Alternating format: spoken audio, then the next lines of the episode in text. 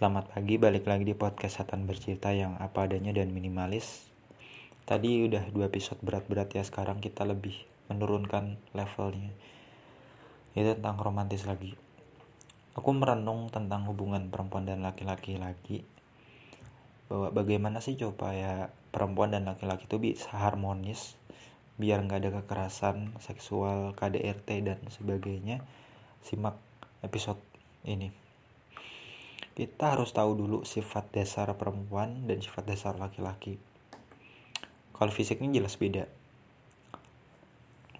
Ini yang lebih ke yang udah umum aja ya. Perempuan itu cenderung menggunakan perasaannya. Ya kan dibanding rasionalitasnya ketika berpendapat tentang sesuatu, berpikir sesuatu. Dia lebih mengutamakan perasaannya dulu misalkan minjemin uang deh. Perempuan itu kayak lebih mudah minjemin uang karena kasihan ya si ini nggak dapet makan nggak bisa beli makan. Tapi kalau laki-laki itu lebih keras karena dia mikir rasional. Kayak takutnya nggak dibayar utangnya atau takutnya dia ngilang atau apa lebih rasional.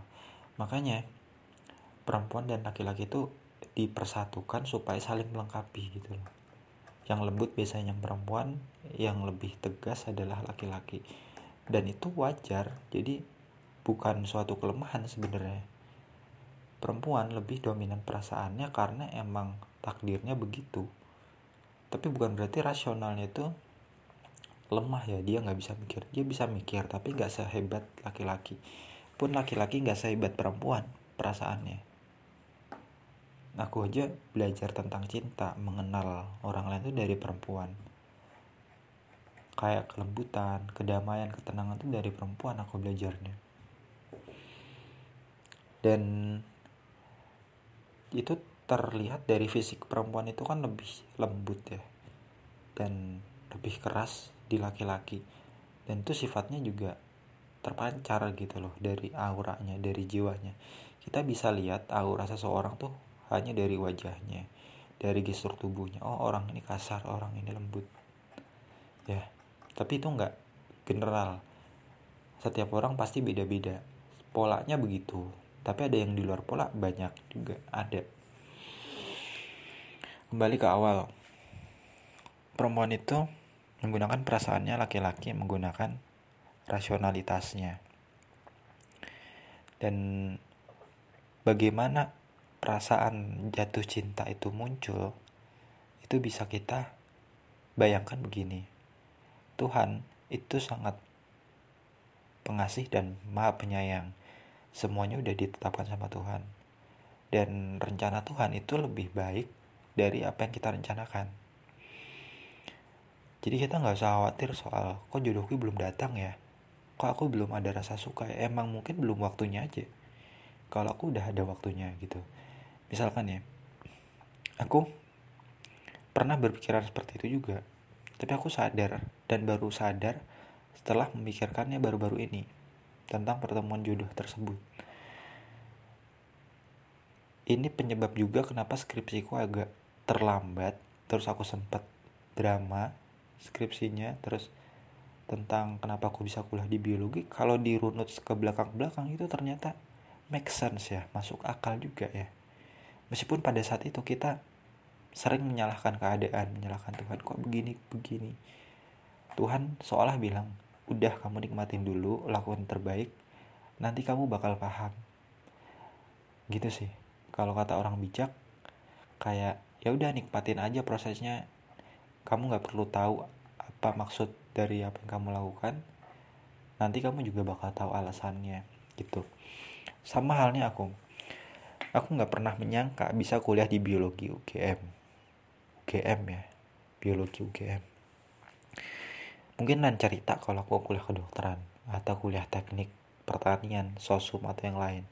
Aku kuliah di biologi UGM dan ternyata karakterku tuh pas banget sama anak-anak biologi. Aku lebih cenderung bebas explore in explore itu bisa ke bidang mana ke bidang mana. Kalau yang lain-lain kan lebih kayak spesifik ya udah itu yang dipelajari itu itu aja. Tapi kalau biologi itu ya umum. Meskipun yang kita pelajari biologi tapi itu bahasannya juga merembet ke hal-hal lain gitu. Kita lulusan biologi itu nggak diberikan pilihan spesifik oh kamu jadi ini jadi ini. Beda kalau sama hukum kemungkinan besar dia jadi pengacara atau jadi hakim atau pendidikan oh kemungkinan besar dia jadi guru. Tapi kalau biologi memang ada kemungkinan untuk jadi ilmuwan jadi peneliti. Tapi faktanya membuktikan bahwa anak biologi itu lulusannya itu macam-macam. Ada yang kerja di perusahaan jadi bankir jadi petani jadi pengusaha macam-macam. Karena emang kita didik seperti itu memilih dan bebas untuk melakukan apa pun untuk jadi apa pun yang kita suka yang kita mau. Itu yang pertama. Yang kedua adalah uh, Tuhan memberikan aku waktu untuk menyembuhkan diri untuk organisasi mengenal lebih banyak orang itu hanya dua tahun Beda cerita kalau aku lebih dari 2 tahun. Karena setelah itu aku bakal next level gitu, semester 5, semester 6. Skripsiku ini yang ketiga. Skripsiku tuh terhambat. Awalnya aku tentang jahe merah, terus pindah ke kelelawar. Nah, kelelawar sempat terhambat. Kelelawar aku otomatis ambil matkul tentang kelelawar yaitu mamalogi sekalian aja deh ambil matkul yang serupa kayak ikhtiologi, herpetologi gitu loh dan kurang ornitologi yaitu baru bisa diambil semester 7 semester gasal di sini mulai menarik Sirku terhambat sehingga enam bulan namanya dan satu bulan akhirnya dapat dosen yang baru. Aku meneliti tentang lichen. Aku kembali ke jalur yang benar dalam urusan karir biologi. Tapi ternyata aku nggak pernah nyangka bisa belok ke ranah hewan ya. Ternyata ranah hewan ini akan mengantarkan aku pada pertemuan dengan jodohku tuh. Dengan sosok perempuan yang datang ke hidupku baru-baru ini gitu. Aku ambil matkul itu terpaksa, bukan terpaksa tapi mau nggak mau aku juga harus melengkapi ornitologi juga gitu. Kan tanggung gitu loh. Tinggal satu masa nggak diambil? Nah aku nggak tahu kalau si dia juga ambil itu dan aku nggak kenal namanya. Setelah dua bulan kita kuliah bareng itu aku baru tahu namanya. Oh namanya si ini oh namanya si itu gitu. Aneh dan aku baru mikir semalam ternyata benar juga ya indah juga ya skenario Tuhan mempertemukan aku dengan sosok perempuan yang tepat sosok yang baik gitu loh. Kayak it's magic gitu loh amazing. Ini ajaib entah apa yang ada di tangan Tuhan tuh kayak semuanya keren gitu loh. Dan aku menganggap oh diriku ini bukan apa-apa gitu loh aku memang nggak hebat aku cuma orang biasa. Aku emang bisa buat rencana tapi lebih baik kita manut sama rencana Tuhan gitu. Karena rencana Tuhan tuh sangat indah gitu loh. Aku merenungkan itu pun terharu gitu loh. Kok bisa bisanya ya Tuhan kepikiran buat rencana kayak gini?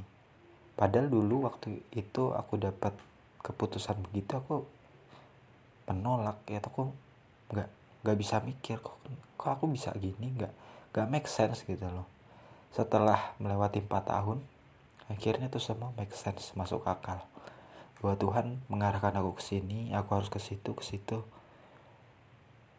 Dan sedikit tentang Tuhan. Mungkin ada beberapa di antara kita yang gak percaya bahwa Tuhan itu ada. Tuhan itu ada. Bukti kecilnya adalah kalau kita masih hidup besok hari, berarti Tuhan ada. Ya, Tuhan itu beneran ada. Bukan berarti nggak bisa kita lihat secara mata langsung. Itu bukan nggak nyata. Kita bisa nggak lihat kelakuan saudara jauh kita di sana? Anggaplah kita di Jogja saudara jauh kita di Bandung. Gak bisa lihat tapi kita percaya nggak kalau dia hidup? Nah simpelnya gitu kita percaya dia masih hidup saudaranya kita di Bandung. Ya kan?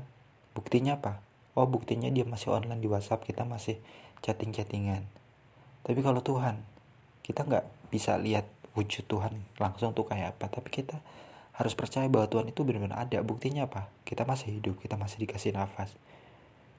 Kita sempat mikir nggak kalau jantung kita sistem peredaran darah kita semua yang kita punya dalam tubuh kita itu otomatis itu dari Tuhan juga. Kasih sayang Tuhan tuh mengalir seiring berjalan nafas kita detak jantung kita seiring berjalannya waktu. Jadi kembali soal tadi ya pertemuan dengan jodohku tuh kayak make sense masuk akal rencana Tuhan tuh begitu indah. Kayak perjalananku yang panjang kenapa perjalananku lebih awal kenapa aku melangkah lebih cepat. Ternyata emang aku didesain untuk jadi orang yang bisa memimpin suatu saat gitu jadi orang besar suatu saat.